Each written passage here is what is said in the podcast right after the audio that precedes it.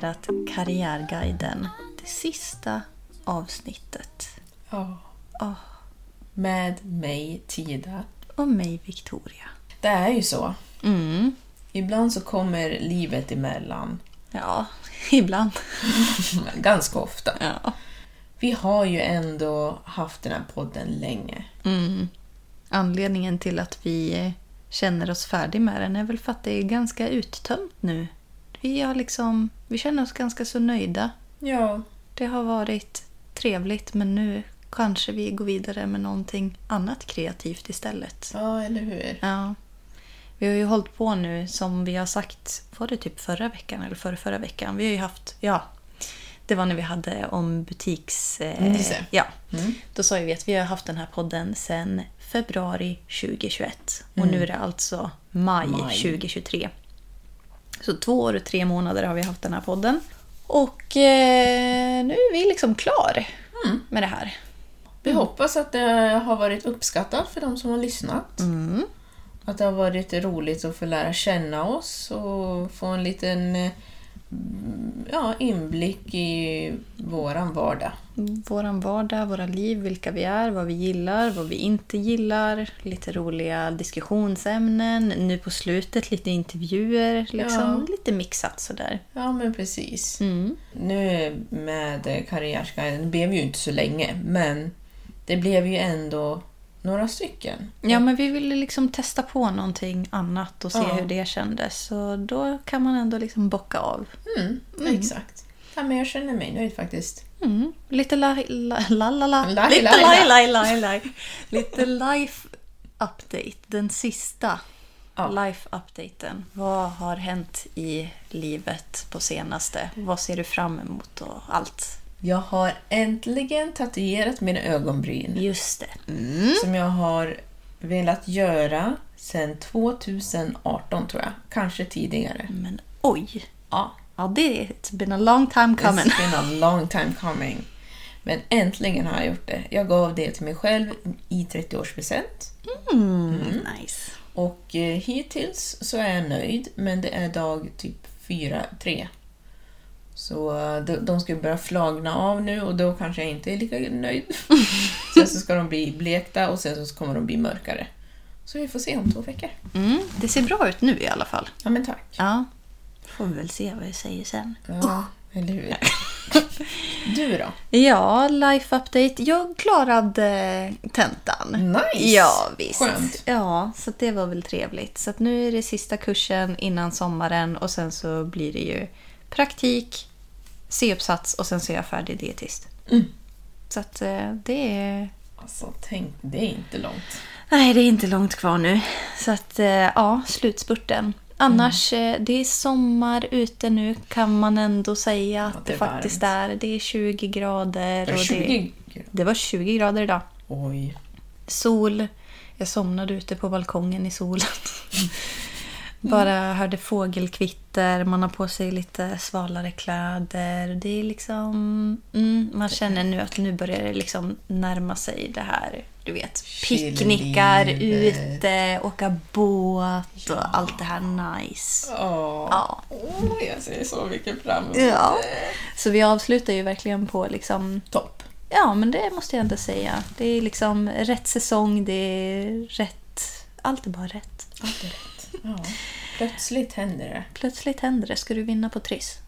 Ja, det gör jag inte, tror jag inte.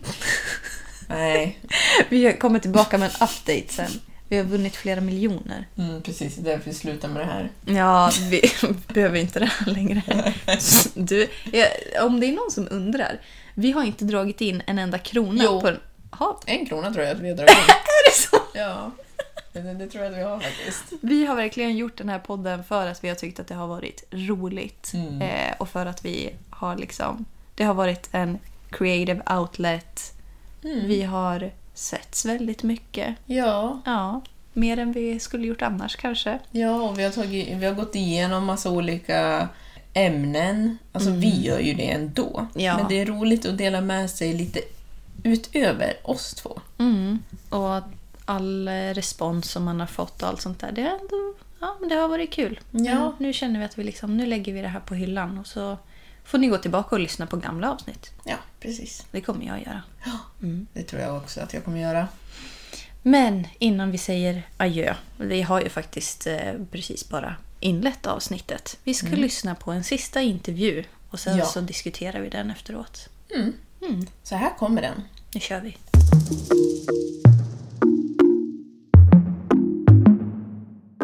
Hej och välkommen hit. Jag tänkte börja med att fråga vad det är du jobbar med. Jag jobbar som undersköterska i Gävle kommun. Och det har jag gjort sedan jag var 16 år ungefär. Mm. Men trivs du med det? Ja, det skulle jag vilja säga att jag gör. Det är bland det bästa jobb...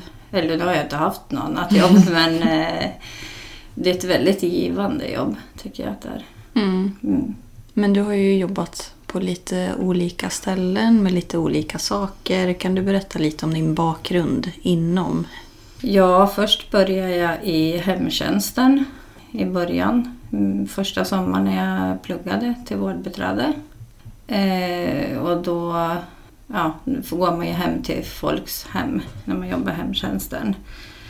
Eh, sen har jag jobbat även på vård och omsorgsboende, heter det ju nu. Förut hette det särskilt boende. Och då bor de ju på, i hus, alltså i, sen, alltså man har samlat äldre på ett och samma ställe. Mm, så det är inte, På deras, avdelningar, det är inte deras eget boende? Ja, alltså de har ju egna rum. Mm. Men eh, de har ju allt på plats, alltså personal bemannat dygnet runt. Hemtjänst är ju mer att man går ut i deras hem och insatserna utförs ute i deras befintliga hem. Mm, mm, Ja, det är skillnaden. mm. Mm. Och sen jobbade du inte inom hemtjänsten? Nej, där jag jobbar... Jag har ju pendlat mellan vård och omsorgsboende och hemtjänst. Sen även i, i poolgrupp. Mm. som gör att man eh, får, eh, ja, man fick bokningar och då jobbar man ju i alla verksamheter. Så både hemtjänst och särskilt boende? Ja. ja. Och även eh, kopplat mot eh, BOS som det heter. Det är ju mer eh, kopplat till eh, LSS. Okej. Det är Mm. inte SOL. Det finns ju olika lagar. Ja. Mm. Men eh, då är det ju mer att det kanske är fem stycken som bor på ett gruppboende. Mm. Och så hjälper man dem med olika sysslor. Mer vägledande kanske än eh, en hemtjänst. Mm. Att man, de, det kan vara yngre, yngre fast ändå äldre Mm. som man behöver vägleda, kanske stötta mer. Att de är mer självgående då kanske, eller? Ja, att med viss peppning och stöttning så kan de utföra insatserna själv. Mm. Och ehm, du sa att du hade gjort det här sedan du var 16. Ja. Mm. Vad är det som har gjort att du har stannat så länge? Men det är ju just det utbytet, eh, alla möten, både alltså först med kollegor såklart, men sen eh, även att träffa så många olika personligheter och få veta deras historia. Det tycker jag är otroligt fascinerande. Mm. Så det är ett socialt jobb. Ja, det är jättesocialt Mm. jobb. Och just att man får utbyta så mycket och få med sig så mycket erfarenhet eftersom de har ju varit ung på en annan tid Mm. än vad vi har. Eller vi, men ja. Mm. Nej, så det är ett underbart jobb. Vad, vad tycker du är, vad kan vara svårt med att jobba? Liksom?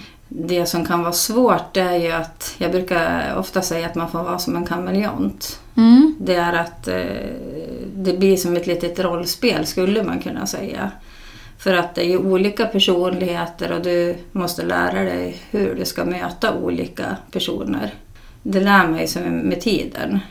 Eh, och det gör ju att ja, ingen dag är den andra lik heller. Men det, det tar ju mycket, alltså, ja, man måste tänka igenom vissa saker, hur man ska vara. Mm. Mycket. Och hantera olika personligheter och sådär. Ja, Mm. det kan ju liksom, det är ju sjuka människor man kommer till Mm. som är i en utsatt situation. Men det kanske leder mig vidare till nästa fråga som är eh, om det är ett fysiskt eller psykiskt påfrestande jobb eller lite av både och. Ja, alltså jag skulle vilja säga att det kan vara bägge delarna för att man måste ju se hela individen. Eh, först och främst så måste man ju förstå att det är inte så lätt alla gånger att ta in nya människor i sitt hem och vara beredd att ja, först acceptera min situation. Att jag, nu måste jag ha den här hjälpen.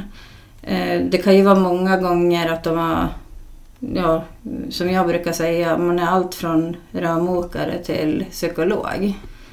Så att eh, ja, hela tiden veta liksom, ja, man, man lär vara väldigt, flexibel i sitt sätt att vara om man jobbar i vården. Och att det kan vara lite psykiskt på så sätt då? Att, Ja, det, det psykiska personligen som jag kan känna det är att många gånger får man lära sig att hantera och stänga av. Eller hur jag ska kunna beskriva att man skulle vilja stanna kvar hos dem. Men allting är ju så tidspressat. Och då för att kunna klara av så måste man lära sig att hantera det. Att kunna lämna. Det är inte så lätt alla gånger. Sen eh, fysiskt, det är ju beroende på Ja men ibland har man ju dubbelbemannad att de är så pass sjuka att de kanske sköts i säng och sådana här saker. Och det är klart att framförallt om man jobbar ute i hemmen så kan det vara trånga utrymmen och man står konstigt. Och...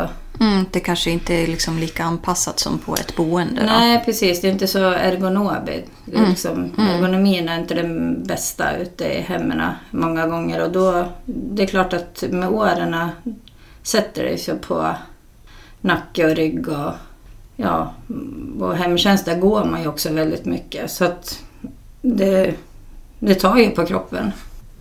Men om du skulle beskriva en typisk arbetsdag, eller typisk men generellt, hur kan det se ut? Ja, om jag...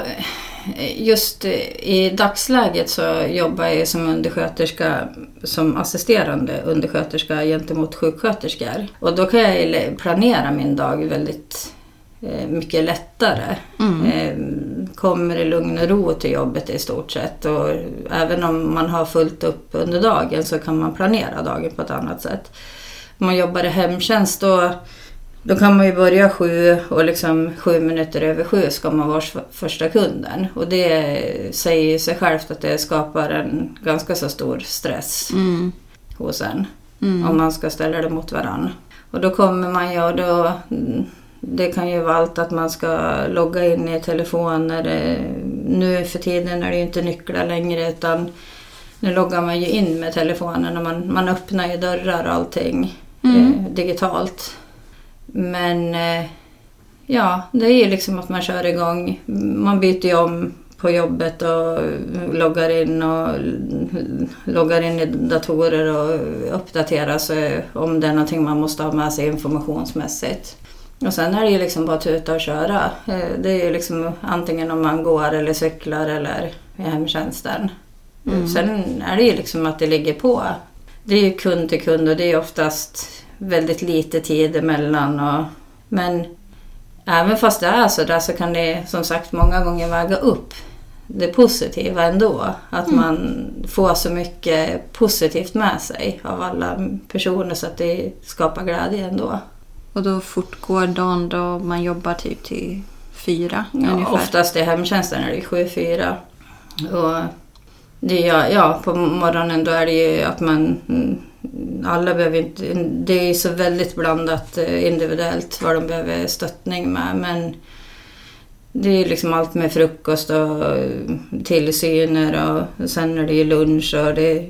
Man är, man är ju allt och allo för vi både städar och tvättar och sköter inköp.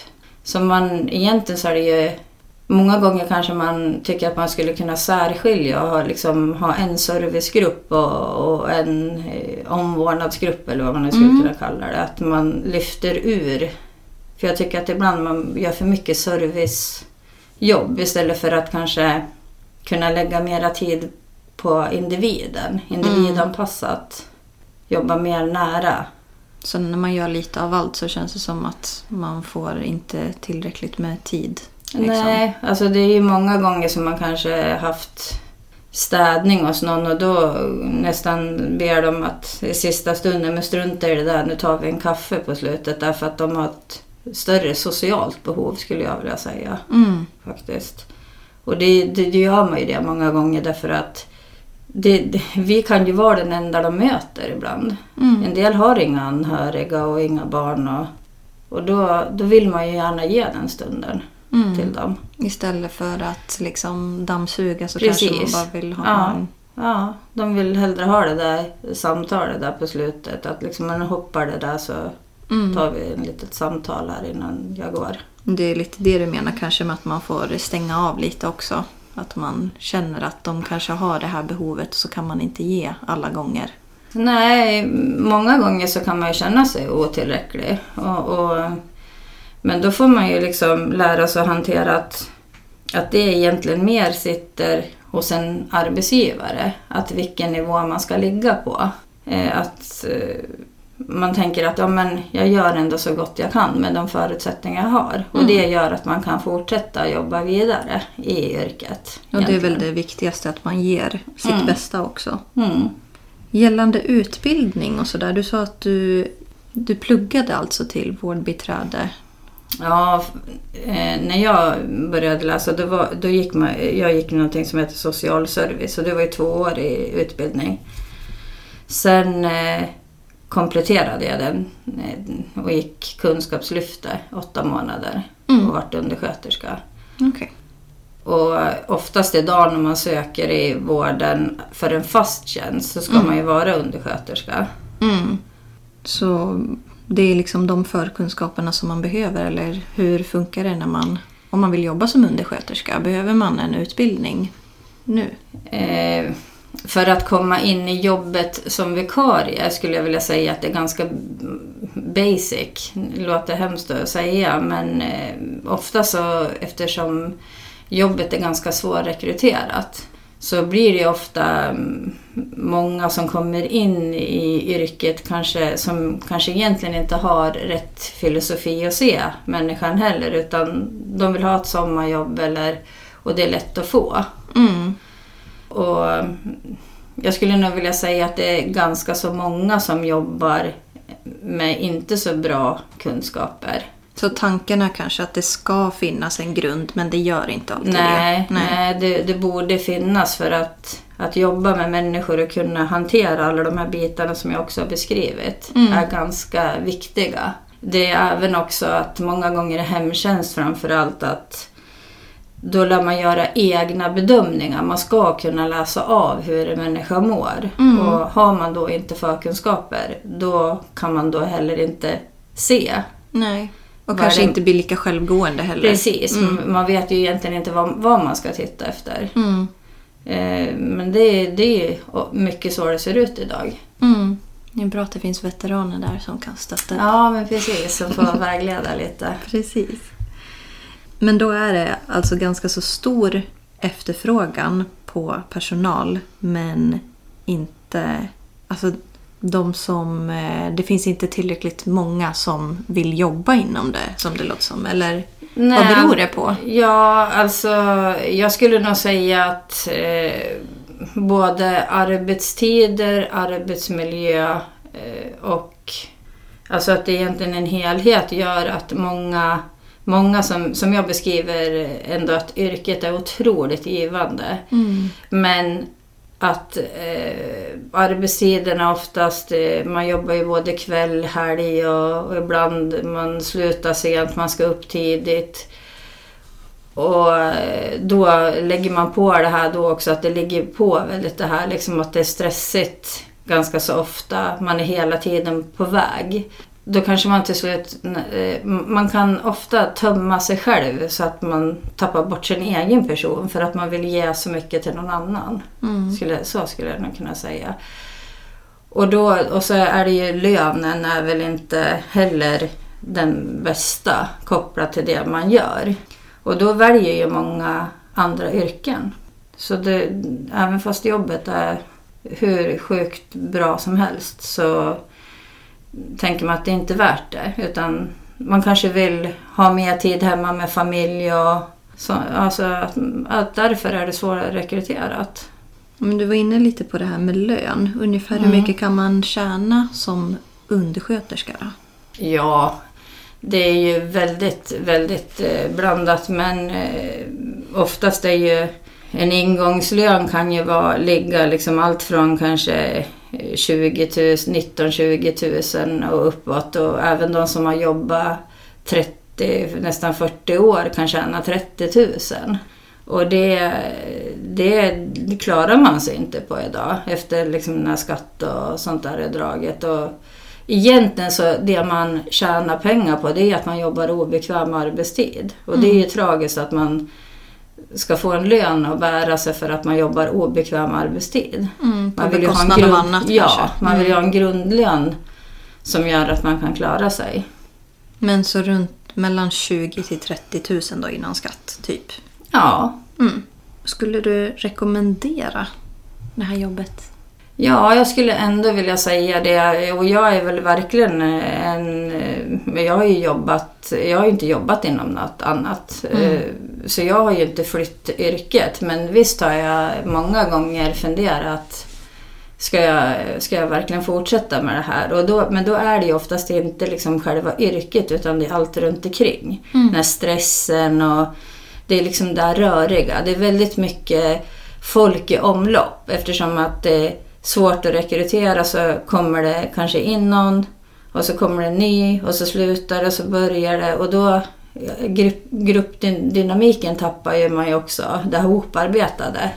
Så ja, många gånger har man ju ändå, nej men nu, nu räcker det. Men då, nej, men då har det liksom dykt upp någonting som har gjort att nej men, nej, men jag kör ett tag till liksom. Eh, och som jag sa, som jag jobbar just nu som assisterande undersköterska, det är ju då får jag ju verkligen jo- jobb, jobba, jobba som undersköterska för då är jag ju ingen omvårdnads... Jag gör ju inte det där serviceinköp och sådana saker utan jag tar blodprover, sätter katetrar. Jag får ju verkligen jobba som undersköterska. Mm. Och plus det här sociala, att jag liksom har tid om de vill prata en stund. Jaha, jag känner att jag räcker till. Och det är ju värt otroligt mycket. Mm. Så på så sätt skulle du rekommendera men att du liksom, det kanske beror lite på vad man har för arbetsuppgifter också om man känner att det är, är värt det. Eller hur skulle du förklara det liksom? Ja, jag, jag tror att om man känner eh, att man inte känner sig dränerad och att, man får förutsättningar att utvecklas i yrket. Eh, det gör ju också att man, nej men att man får rätt förutsättningar. Då vill man stanna. Eh, men som det ser ut och nu, nu det här är egentligen någon, någonting i så fall som man måste göra politiskt då. Att, Mm. Alltså, jag har ju väldigt svårt att se... Eh, en kommun har ju alltid ett uppdrag någon annanstans ifrån. Att man får jobba mer ja, liksom uppifrån och neråt om jag säger så. För det här, det här är så mycket större än, Ändå fast man kan bryta ner det på en enhet. Men sen är det ju även ledarskap och sånt. Jag har ju haft många olika chefer på vägen och det jag skulle också vilja säga att bra ledarskap gör ju också att man vill stanna. Att man blir sedd och hörd och att man blir lyssnad på. Man kanske har idéer och liksom man, man märker att man får ja, men den här utvecklingen. Jag tänkte avsluta med två frågor. Och den första är berätta om någon gång som du känt att du vill sluta eller ge upp. Ja, det skulle jag nog vilja säga där man blir eh, kallad för väldigt mycket fula ord. Eh, Det har hänt ganska många gånger under alla år att eh, eh, även, fa- även fast man ska ha som grund att de är sjuk så kan man ju ibland liksom känna att ja, men ska jag verkligen bli kallad för jävla idiot och stick härifrån. Och, ja, det kan ju vara, nu bryter jag kanske ner det väldigt lite mot för det jag har hört under mina år. Då kan man känna, nej alltså nu räcker det. Nu, nu, alltså jag, jag är inte värd att bli kallad för vad som helst för att utföra mitt jobb. Då kan man känna att nej nu, nu skiter jag i det här liksom. Så sådana dagar har man ju haft en del. Men då, det är som jag säger, just den ena dagen är inte den andra lik. Och då kanske man jobbar, dagen efter så kommer man till världens gulligaste tant. Då tänker jag, men det självklart ska jag ju fortsätta hundra år till i det här yrket. Det är det som, då får man ju skjuts positivt. För det är egentligen den sista frågan som jag har. När du liksom känt att du verkligen har hittat rätt och känner dig tillfreds. Har du haft någon sån stund som du känner bara nu är jag på rätt plats? Ja, det, det är liksom när man, när man... Just det här att man får höra bra saker eller bara se ett leende när man kommer. Att man, man vet att ja, men de, är så, de flesta vill jag ändå säga är otroligt tacksamma att man kommer. Det är sån liten minimal del eh, mm. av de som man kommer till som är otacksamma. Mm. Och då ska man ju ändå väga in hela sjukdomsbilden i att de kan vara på det sätt de är. Men ibland, vi är ju också människor. Men för det mesta är det ju det leendet och se ett kroppsspråk och glädjen eh, hos dem man kommer att... Man känner liksom, gud vad, vilket härligt jobb och gud vad bra jag har gjort där. Så ja, det, nej men jag skulle vilja säga att det är ett jätteunderbart jobb. Skulle du vilja liksom lägga till någonting om det är någon som funderar på att utbilda sig till undersköterska eller söka jobbet? Vad, vad skulle du vilja liksom skicka med dem i så fall? Ja, skicka med att man, man försöker se he, hela individen, inte liksom att man tar ett varv extra, att kanske varför är den sådär och framförallt att man inte tar, försöker ta saker personligt. För oftast att man reagerar, det, det är ju, sitter i grunden någon, någon annanstans. Det är inte dig som person, men det, du kan vara den enda personen de möter den dagen. Och då är det ju du som får ta det, ja, den här ilskan eller glädjen. Alltså det är väldigt blandat. Eh, att man har tålamod skulle jag vilja skicka med. Och att man är vetgir och frågar, ja, men till exempel jag som har jobbat, att man inga frågor är för dumma. Därför att i början är vi alla gröna. Och ju mer vi frågar, ju mer kunskap får vi med oss. Och veta hur man ska hantera. Att man frågar runt liksom, hur, hur löser du? Och liksom att man hjälps åt som team. Mm. Det skulle jag vilja skicka med. Mm. Då vill jag säga tack för att tack. du ställde upp. Så får du ha det så bra. Tack. ja, vad tyckte du? Ja, alltså jag har ju aldrig jobbat inom alltså äldreomsorg. Nej. Men eh, jag tycker ju väldigt mycket om gamla människor. Mm. I do not like the kids but I love the oldies. Ja. Så att det är lite konstigt att jag faktiskt inte har jobbat någonting inom det. Både med tanke på att min mamma Ja, det är ju min mamma som ja, vi precis. intervjuar. Så nu har ni lärt känna henne ja, lite grann. Precis. Um, ja, men min mamma har ju jobbat då inom det sedan hon var 16. Alltså, och hon, ja, vad blir det då? Hon jobbar ju inom det i 34 år. Ja. Ja, sjukt länge i alla fall. Mm.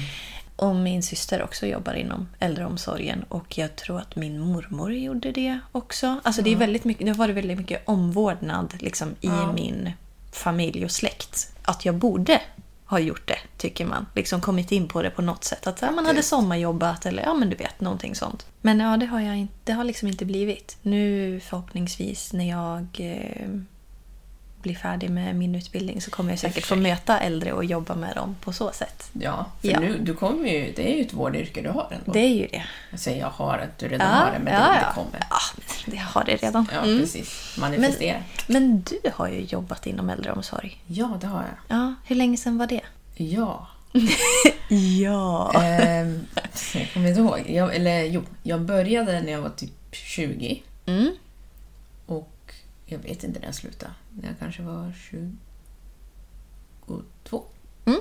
Eller något sånt. Mm. 23. I Umeå, va? Ja, Mm. precis. Så ja, ja, jag tycker att det var jättekul att lyssna på det hon berättade. Att hon har jobbat så länge inom liksom, olika delar, men det är fortfarande äldreomsorg. Mm.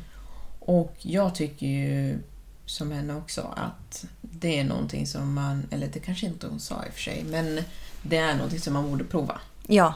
Det är lite som att alla borde jobba inom butik så borde alla jobba Mm. inom äldreomsorg. Mm. För att jag tror att det är jättenyttigt. En erfarenhet liksom. Verkligen, jag tycker att det är jättenyttigt. Man måste, jag, jag tycker att man ska ha respekt för människor, Ja. för äldre och man blir man måste ha det om man jobbar på demensboende. Mm. Och jag, jag, tyck, jag upplever att, inte att jag inte haft det innan, men att man verkligen får upp liksom en syn på dem. För att de har sina egna, precis som din mamma sa, Mm. de har sina historier, alltså deras livshistorier och även om de har deras olika sjukdoms... Ja, sjukdomsbild, sjukdomstillstånd. Ja. Exakt. Mm. Så kan de fortfarande ha väldigt mycket att ge ändå. Mm. Där din mamma jobbar, Mm. nu jobbar hon mer med un, eh, undersköterskegrejer hon. Ja, Alltså, precis. Sprutor och kateter, kateter Ja, och precis. såna Det kan grejer. vara liksom, eh, jag tror att det är även vaccinationer, det är blodprover. Ja, men som hon sa, mer omvårdnad snarare än att hon är ute och gör inköp och liksom Mm. städning och, ja, men, och kanske gör frukost. Alltså du vet sådana Mm. grejer. Ja, men precis. Jag vet inte vad det var jag skulle säga med det. Jo, när jag jobbade så jobbade jag på ett demensboende. Mm.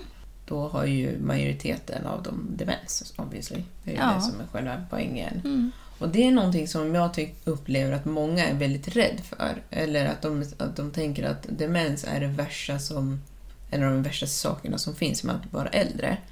Men jag tror verkligen att det är för personerna som är eh, anhöriga. Ja. Det är inte alltid det värsta som händer för personer som är dement. Eller för folk som jobbar med det. Det kan vara jobbigt såklart. Men du har ju oftast aldrig känt personen när den inte var dement. Nej, man har ju en distans till det. Liksom. Ja. Mm. Som inte anhöriga har. Så jag upplevde i alla fall att eh, det var väldigt intressant att ha konversationer och ha det, det som din mamma också pratade om, den här eh, när man liksom har samtalen och Mm. eh, de här mjuka delarna. Visst, man är ju städ och sånt också, men att få sitta och ha samtal och bara få en liten inblick i hur de tänker. Mm. Alltså det är intressant. Ja, men alltså jag känner ju att här, bara att sitta och ha ett samtal med en äldre person när man sitter vid en busshållplats. Alltså det... Jag vet inte. Det känns liksom som att så här, det, det ger så himla mycket bara att få prata med en äldre person som besitter så mycket visdom och kunskap. Och det är liksom, ja, som hon sa, det är, de var ju unga under en annan tid. Och de historierna som de har att berätta, alltså man vill ta del av dem. Liksom. Och sen att så här, ja visst det är en sjukdomsbild men som hon sa, man får liksom kanske se, alltså så här, lägga den lite åt, Åt sidan. sidan. Ja. Eller inte bara att man lägger den åt sidan men att man inte tar saker och ting personligt. Om det kanske blir något sånt där att man blir kallad för någonting eller Mm. att så här, veta att det är, man får separera person och sjukdom. Liksom. Ja, men jag kan förstå att det är tufft. Ja, Absolut. absolut. Och jag, eh, jag kan tänka mig också att sådana gånger så krävs det nog också att man kanske har lite utbildning. Mm. Så att man vet att så här, ja, men, du kan ju inte reagera tillbaka mot en person som är sjuk. Mm. Liksom, ja, men, som har demens då till exempel. Eh, och kanske säger ja, men stick härifrån Mm. till exempel. Att man bara så här, du kan ju inte ta det personligt och bara säga ja hur fan den här personen behandlar mig så himla illa. Liksom, för Nej. att så här, då har man ju inte förståelse för vad det är för liksom, yrke som man jobbar inom. För Mm. att det, visst det är ingen rolig del, men det är någonting som man liksom får... Vad händer nu? Det är fläkten som kommer igång. Jaha. Ja, Eh, det är någonting som alltså, man får leva med det. Mm. Liksom. Ja, verkligen. Men eh, det är ju tufft ändå. För eh, som hon säger, alltså, det är ju inte roligt. Det är inte roligt att bli kallad för dumheter. Nej, det är väl klart. Eller liksom bli slagen. Alltså jag vet ju, när jag, var, när jag jobbade, Mm. Alltså man fick ducka för vissa. För vissa är ju, de blir ju aggressiva när de är Mm. dement. Mm. Eller liksom när, om du tar någonting som de inte vill, eller att de smiter. Ja, just det. Ja. Mm. Ska du springa efter en liksom vuxen man? Jag menar, grejen är... De må vara gamla, men de är vuxna. Och det är någonting som jag verkligen tycker att om någon som lyssnar liksom tänker ja men jag vill jobba inom det här. Och... Tro inte att det är gamla barn. Mhm. Det är vuxna Mhm. som liksom inte kan göra det de en gång kunde, men de är fortfarande vuxna.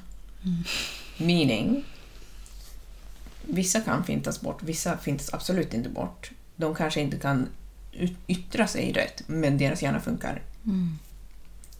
Om eh, ni ska veva, göm dig för att eh, old man strength finns på riktigt och få en eh, snyting av en gammal gubbe, det är inte så skönt alltid.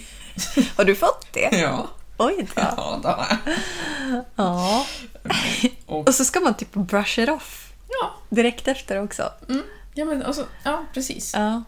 De, de, de är vuxna liksom. De, de, de har sina grejer och för sig. De vill ha, vissa vill ha det på sitt sätt och andra vill inte. Och det är människor.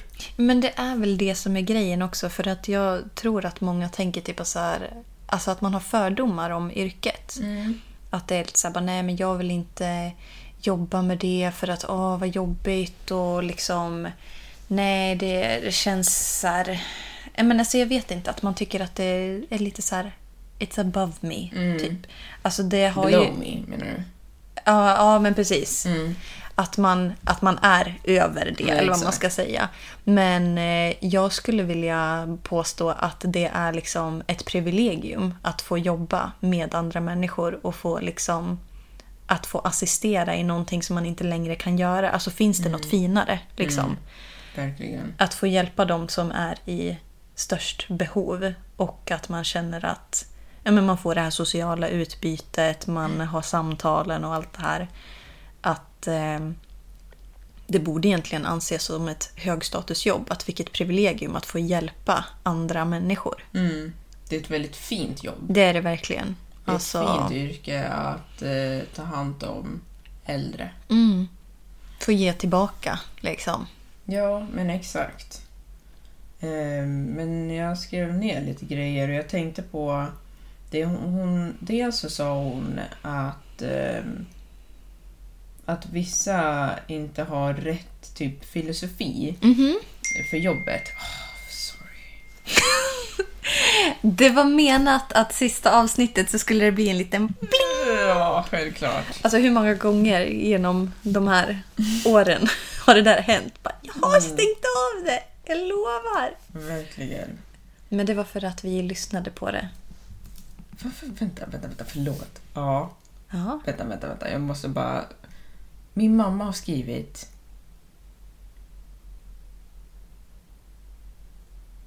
Va? Friskattebevisningen kommer strax efter 17.40. Klockan är 35 minuter över 9. 8. Men vadå, är inte det här... Menar du idag? Förlåt, jag, jag, nu svarar jag faktiskt och det är bara för att hon pratar om att hon ska komma hit och duscha. Mhm. Klockan 20 över 7. Mm, klockan är halv, 20 halv över nio. 5 menar jag. Ja. Nej, imorgon har hon faktiskt skrivit. Ja, okej. ja, då så. Sorry. Vad var det vi pratade om? Vi pratade om att... ehm, jo, att vissa eh, har fel filosofi för jobbet, för yrket. Just det. Mm. Ehm, och det, så kan det absolut vara, för man ska inte komma in dit och vara otrevlig. Mm. Jag, jag tycker verkligen inte att de äldre förtjänar att bli behandlade illa eller att bli behandlade som barn. För det är det som jag tror jag har mest svårt för när jag, när jag pratar med folk och så märker jag att de pratar om äldre som barn Mhm. Ni alla, om du har lyssnat på något av de här avsnitten så vet du att jag tycker om barn jättemycket. Men det är jättestor skillnad på en, ett barn och en, en äldre person. Ja, en äldre person, även om man är sjuk så är man ju Ja. fortfarande inte ett barn. Nej. Alltså man kan ju liksom gå tillbaka till... Alltså är det en sjukdomsbild som gör att man kanske...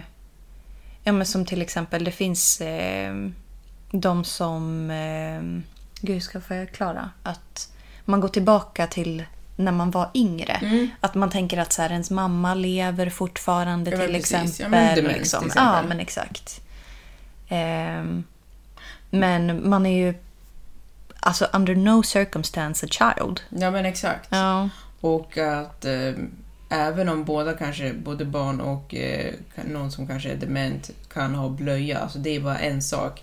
Det, det de har gemensamt är att de inte kan ta hand om sin kropp själv. Ja. Barn och folk som har olika krämpor med sin kropp. Mm. Men skillnaden är att en vuxen har mer erfarenhet av livet Mm. och har en hjärna som har gått igenom en massa saker som barn inte har. Och även om du är sjuk så vet du om du blir behandlad dåligt. Ja, Mm. precis. Även om du är dement så kan du fortfarande veta om någon behandlar dig dåligt. Mm. Så att det är det jag tycker är viktigt att mm, gör skillnad på det. Liksom. Det är inte en och samma sak. Mm. Verkligen. Mm. Du hade något mer som du ville ta upp va? Ja, ehm, jag hade också skrivit att det här med att stänga av när man går. Mm. Att stänga av känslan. Och mm, som eh, de andra avsnitten så refererar man till sig själv för det är det man kommer ihåg Mm. eller vet. Men jag kände också att det var lite svårt när jag jobbade. Mm. Psykiskt liksom. Mm. Det är ju jättepåfrestande yrke. Mm. Och jag kände så här, jag skulle aldrig kunna jobba med det här resten av mitt liv. Så kände jag när jag jobbade där. Och det var för att det är så, det är för mig så var det jättepåfrestande fysiskt. Nej, nej, nej. Psykiskt. Psykiskt. Mm. Fysiskt är det också påfrestande, man rör ju sig mycket men man var ju ung så det gör inget. Men eh, psykiskt. Låter som att du riktigt... Var ung. Man var är ung och ung. smärta. Ja, men you know. Ja, det var ju faktiskt tio år sedan som Ja. du var 20. Mm. Oj, oj, oj. Oj, oj, oj. Ja. Ja. Nej, men eh, det var, psykiskt så var det jobbigt. För att det blir ju, man vill dela med sig, men man har ju tystnadsplikt. Ja. Men eh, det kan vara så mycket som händer. Det kan vara så mycket konstiga saker, sjuka saker och sorgliga saker. Folk dör. Mm. Och när det är ditt jobb, det var det, det var en av de där sakerna. Du jobbar med att lära känna folk i en kort period och sen se dem dö. Och så kommer en ny Ja. som också är i en kort period och sen dör de. Alltså, det är hela tiden. Mm. Ja, det måste vara väldigt påfrestande. Liksom, man bygger ändå ett band Mm. med de här människorna. Och sen, alltså man vet ju att de kommer inte att vara där för evigt. Liksom. Ehm, och sen då att komma hem. Alltså tänk om det är en, en person som du tycker om jätte, jättemycket. Och sen så ska du, liksom när du kommer hem efter jobbet, kunna bara liksom låta det liksom rinna av dig att någon som du liksom verkligen kommit jättenära har Mm. dött. Mm. Och sen ska du flytta in en ny person. Att det måste kännas liksom så här... Alltså hur ska man bearbeta det? Mm, Liksom? Och att man bara ska vänja sig med att det är så det är. Ja, det är ju ingen, liksom, när jag går till jobbet, att det är någon av mina kunder som dör. Nej. Liksom. Eller alltså, jag, Ja, det kommer det, nog... vet, det vet ju inte ja, jag. kunder. Ja, just det. Nej, jag tänkte på... Eh, Kollegor, tänkte du på det? Nej, jag tänkte på när du jobbar som dietist och då kommer det Jaha, kunna ja, ja, du tänker så. Ja, nu utgår jag ifrån liksom Ja. det jag jobbar med nu. Nu Ja. jobbar jag i butik. Liksom, att även om det skulle vara att någon av de kunderna som jag har lärt känna som har gått bort, så är det ju... Jag har ju inte lärt känna dem på Nej. samma nivå. Nej. Och dessutom så kanske jag aldrig skulle få reda på det heller. Men Mm. om du jobbar på ett boende, du vet vilka som är där. Du träffar dem liksom måndag till fredag, eller om du jobbar helg också. Mm, liksom precis. Så det, jag skulle nog ha väldigt svårt att kunna liksom lägga det åt sidan. Och på så sätt så beundrar jag ju verkligen personer som klarar av det. Mm. Jag också. Tänk dig efter liksom en, en sån tung dag, komma hem och så har du liksom Du ska laga mat och du ska tvätta och du ska rätta där. som Du kanske liksom har och- barn ja. och det är så här, och de eh, beter sig som galna, liksom hoppar runt i sängen och "Ah!" du vet så här och man bara så här "Ah!" och så Ja, verkligen. man bara så här, kanske är jätteledsen liksom men typ ska försöka att inte ta med sig jobbet hem. Mm. Det måste vara svårt. Ja, nej, jag tror också det. Jag Mm. tror att, eh, eller ja, som sagt, jag tycker det. Mm. Och eh, att man... Eh, alltså... Jag vet inte, alla har ju olika relationer till döden och sådär. Och Mm. eh, vissa kanske har ett bra sätt att liksom ha någon form av distans till det. Mm. Men jag kommer ihåg att när jag först började jobba på demensboende så var jag jätteorolig för att någon skulle dö. Ja. med min första sommar där. Och, för jag lärde ju känna alla där och jag kan säga att jag kommer ihåg väldigt många av dem nu fortfarande, alltså tio år senare. Mm. Och som tur är så har jag faktiskt en, en som jag känner som jobbade tillsammans med mig där, så vi pratade ju mycket om det liksom, Mm. tillsammans. Men det var en specifik person där som jag var väldigt nära och jag var faktiskt med på den här personens dödsvakan. Mm. Mm. Det är sorgligt. Ah, fy. För då Ja. har du sett den här personen som du upplever som relativt frisk eftersom Mm. att det har varit en lång tid. Ja. Och så ser du hur den blir sämre och sämre och det kan vara en sån liten sak som en lunginflammation, ja. en förkylning. Du vet när man är så där gammal, de flesta... Immunförsvaret är så otroligt nedsatt. Ja, Mm. och det är så konstigt. Alltså, om man googlar så här, vad dör, alltså folk som har demens, varför dör de? För att man tänker här, men du tappar minnet, men du, eller vad är det som händer? Mm. De får oftast typ lunginflammation eller eh, influensa eller förkylning och så dör de. Mm. Att det liksom inte är själva demensen som... Mm. Det, det, de, de får så pass dåligt eh, immunförsvar och de är väldigt sköra. Mm. Och det är också därför eh, när pandemin kom så var jag jätteirriterad på Sverige. Mhm. För att folk som jobbade på boenden, de, hade, de fick ju inte ha något, det var ju, ingen hade ju något skydd här Nej. i början. Och det, var, Nej, det kom ju jätte- först lite senare. Ja, efter typ ett år. Ja, Jag vet att min mamma hon hade både munskydd och sånt här skärmskydd. Sen, Jag vet inte när de fick det, men ja, man borde ha gjort insatserna mycket tidigare med tanke på vad de är i för utsatt position. Liksom. Mm. Extremt sköra, många av dem. Ja, nej men det är det. Men eh, skulle du kunna tänka dig att jobba som eh, undersköterska? Kanske inte som... Eller vårdbiträde? Ja, nej, men alltså inte kanske som... Eller alltså jo, egentligen. Men jag tänker ju på det här just vård, alltså jobba med äldre, absolut. Mm. Sen är ju jag skiträdd för nålar.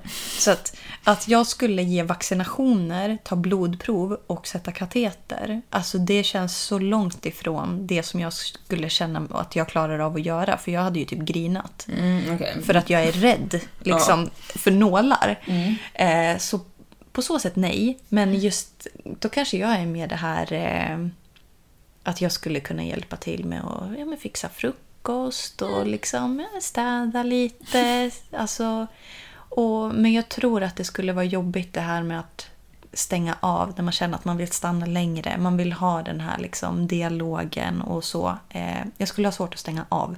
Mm. Så både ja och nej. Men Mm. jag hoppas verkligen att jag får jobba med äldre i mitt yrke Ja.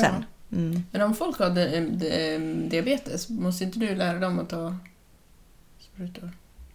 Alltså jag instruerar ju om enheter och såna grejer. Hur många enheter man ska inte sitta ta. och titta när de tar några sprutor. Jag får ta ett djupt andetag. Jag var så, ah, och så sätter du den. Ja. Mm. Mm. Ja, det, vi, vi får se hur det går. Ja, precis. Man kanske blir avtrubbad efter ett tag. Mm. Jag hoppas det i alla Man fall. är så illa tvungen. Jag menar, så ska jag jobba på ett sjukhus och vara rädd för nålar. Mm. Alltså det rimmar inte bra. Nej, Nej, ja, du, får, du får lära dig på ja, vis. vi får se hur det blir Ja. med allt det här. Men du då, du har ju redan jobbat inom yrket så du Ja. kan ju självklart. Eh, Men nu, känner du liksom att så här, jag har testat det och det var... jag har testat det och jag vill inte gå tillbaka. Men jag tycker att det är ett väldigt fint yrke. Mm. Ehm, och anledningen till varför jag inte vill gå tillbaka är för att dels för att det är ett jobb där man ger jättemycket. Alltså de som jag tycker genuint att de flesta som jobbar mm, inom den här typen av vård förtjänar alltså mer än det de får. Ja, Med- både recognition och lön och alltså ja, everything. alltså jag tycker Mm. att de förtjänar bättre eh, stöd från sina, arbe- sina arbetsgivare i form av att eh, att det inte blir liksom utnyttjad eller alltså det är ju mycket obekväma tider som Mm. hon pratar om också.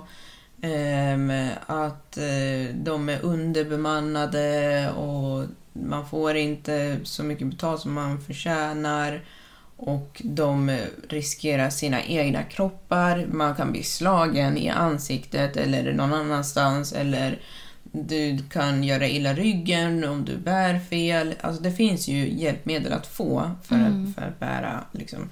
Men fortfarande så tycker jag att det finns väldigt mycket kvar som, liksom, som kan utvecklas för Mm. att det ska vara mer tryggt för eh, arbetstagaren. Ja. Och jag tycker att de förtjänar mer pengar. Men jag tycker också att det är för psykiskt krävande för mig. Mm. Jag vet att jag skulle ta med mig för mycket hem. Mm. Och det vet du ju med facit i hand liksom. Mm. Du har ju ändå testat. Ja, att- precis. Ja. Men då...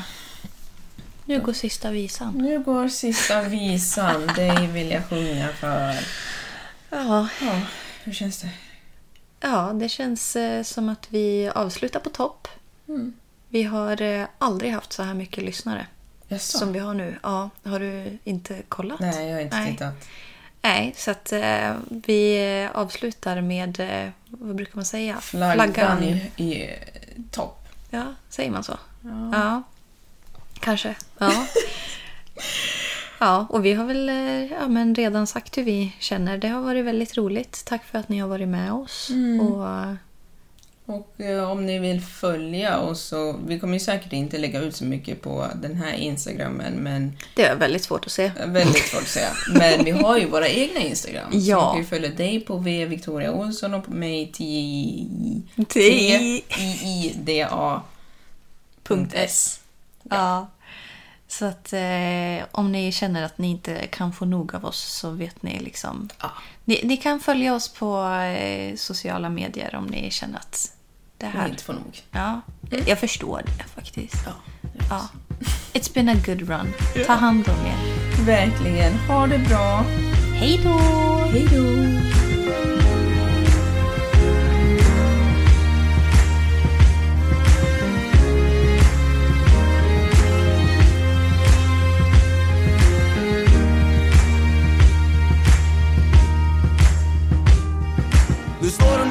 Hon där med vitsippor i håret Tänker på allt ont, allt kan bli förlåtet. Vissa mörka perioder genomsyrat håret Ser på gamla bilder, brukar det vara sår. Men allting, ja allting, ja allting jag var. Försvann där och då, yeah, Du lika så Som man bäddar får man ligga, ingen bäddar när vi låg Ligger lågt, där i sängen var vi en, nu är vi bara två. Från alfa till omega, vi låg och före hela. Men stänger av varje gång någon spelar vår sång. Det här är överlevnad, det är klart vi bytte skepnad. Och vi förlorade varann med några hundradelar Inget jag vill ha tillbaks, det är klart Inget går i kras, det är klart det var du. Men för evigt var aldrig för oss hjärtat. Och det vet vi nu.